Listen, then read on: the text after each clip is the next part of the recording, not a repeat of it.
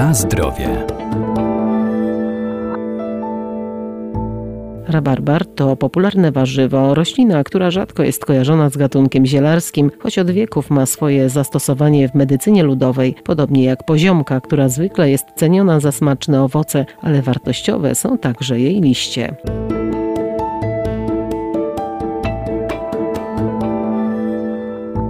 Poziomka rośnie dziko, ale też może być uprawiana w ogrodach. Ma niewielkie i bardzo soczyste owoce. To źródło łatwo przyswajalnych cukrów prostych, a także żelaza, fosforu, potasu, wapnia i witamin. Ale poziomka to także surowiec zielarski o szerokim zastosowaniu w lecznictwie. Szereg gatunków uważamy za bardzo smaczne owoce, ale nie wiemy, że niektóre z nich są również ziołem. Mają działanie lecznicze, zielarskie, czasami kosmetyczne. I takim sympatycznym, bardzo miłym gatunkiem jest poziomka. Doktor ogrodnictwa Arkadiusz Iwaniuk. Dodam tutaj, że jest kilka gatunków poziomek występujących u nas. Najbardziej znana jest poziomka pospolita, występująca w poszyciu leśnym, ale jest też na przykład poziomka twardawa, która występuje na łąkach, takich suchych łąkach, otwartych terenach. Oba gatunki mają działanie lecznicze, mogą być stosowane jako antidotum.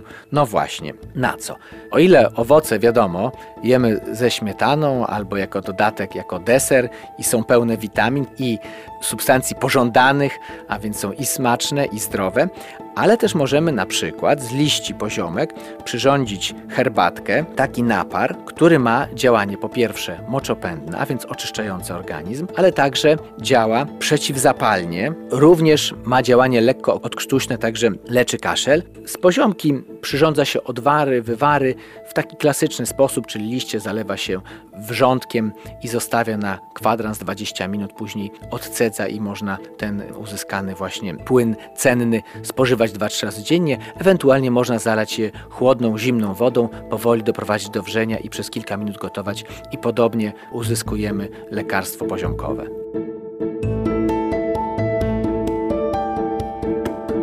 Na zdrowie. Cenioną rośliną leczniczą jest także rabarbar. Pobudza apetyt, działa oczyszczająco i jest źródłem witaminy C. Występuje w kilkudziesięciu odmianach i ma zastosowanie w ziołolecznictwie. W ogrodach uprawiamy rabarbar, czyli rzewień, jak to w języku staropolskim określano. Rabarbar ogrodowy i jest on rzeczywiście interesującym warzywem. Może szczególnie przez to, że jest jednym z pierwszych warzyw, które możemy stosować, szczególnie bogatym w witaminę C, w kwasy organiczne. Wiosną jest to bardzo ważne źródło tych witamin, ale jeśli spojrzymy na rabarbar, czy całą tą rodzinę, bo jest wiele gatunków rabarbaru, to w Azji Wschodniej, w dalekich Chinach stosowane są gatunki, które mają znaczenie lekarskie. To jest rabarbar lekarski, rabarbar dłoniasty, tybetański i jeszcze kilka innych. W tym przypadku, w przypadku tych gatunków leczniczych, surowcem nie są ogonki liściowe. My znamy rabarbar jako właśnie dodatek do ciast, sposób na przyrządzenie kompotu, ale stosujemy ogonki liściowe, zgrubiałe ogonki liściowe. To chyba jeden z nielicznych tego typu przypadków, kiedy jemy właśnie ogonek, nawet nie liść. Natomiast w medycynie stosuje się karpę, czy powiedzmy korzeń i to podziemne zgrubienie rabarbaru. Rabarbar jest wtedy wykopywany i przede wszystkim ma działanie przeciwzapalne i przeczyszczające, a więc to są te główne plusy, dla których stosowany jest rabarbar w medycynie. Jeśli nie mamy rabarbaru lekarskiego, to też nie należy się martwić, tylko cieszyć tym, który jest, bo jest to gatunek, jak wspomniałem, dostarczający wczesną wiosną wielu witamin, taki niejako orzeźwiający. A jeszcze taka ciekawostka, że po upieczeniu pojawiają się tam substancje o szczególnym działaniu antyrakowym, takim wzmacniającym organizm, zapobiegającym tej niemiłej chorobie i chociażby dlatego polecany jest rabarbar właśnie jako dodatek, jako pieczony do ciast, do kompotu.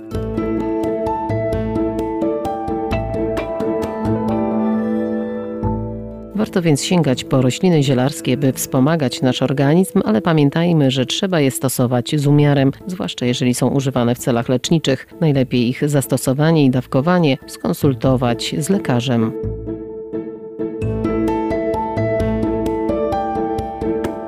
Na zdrowie.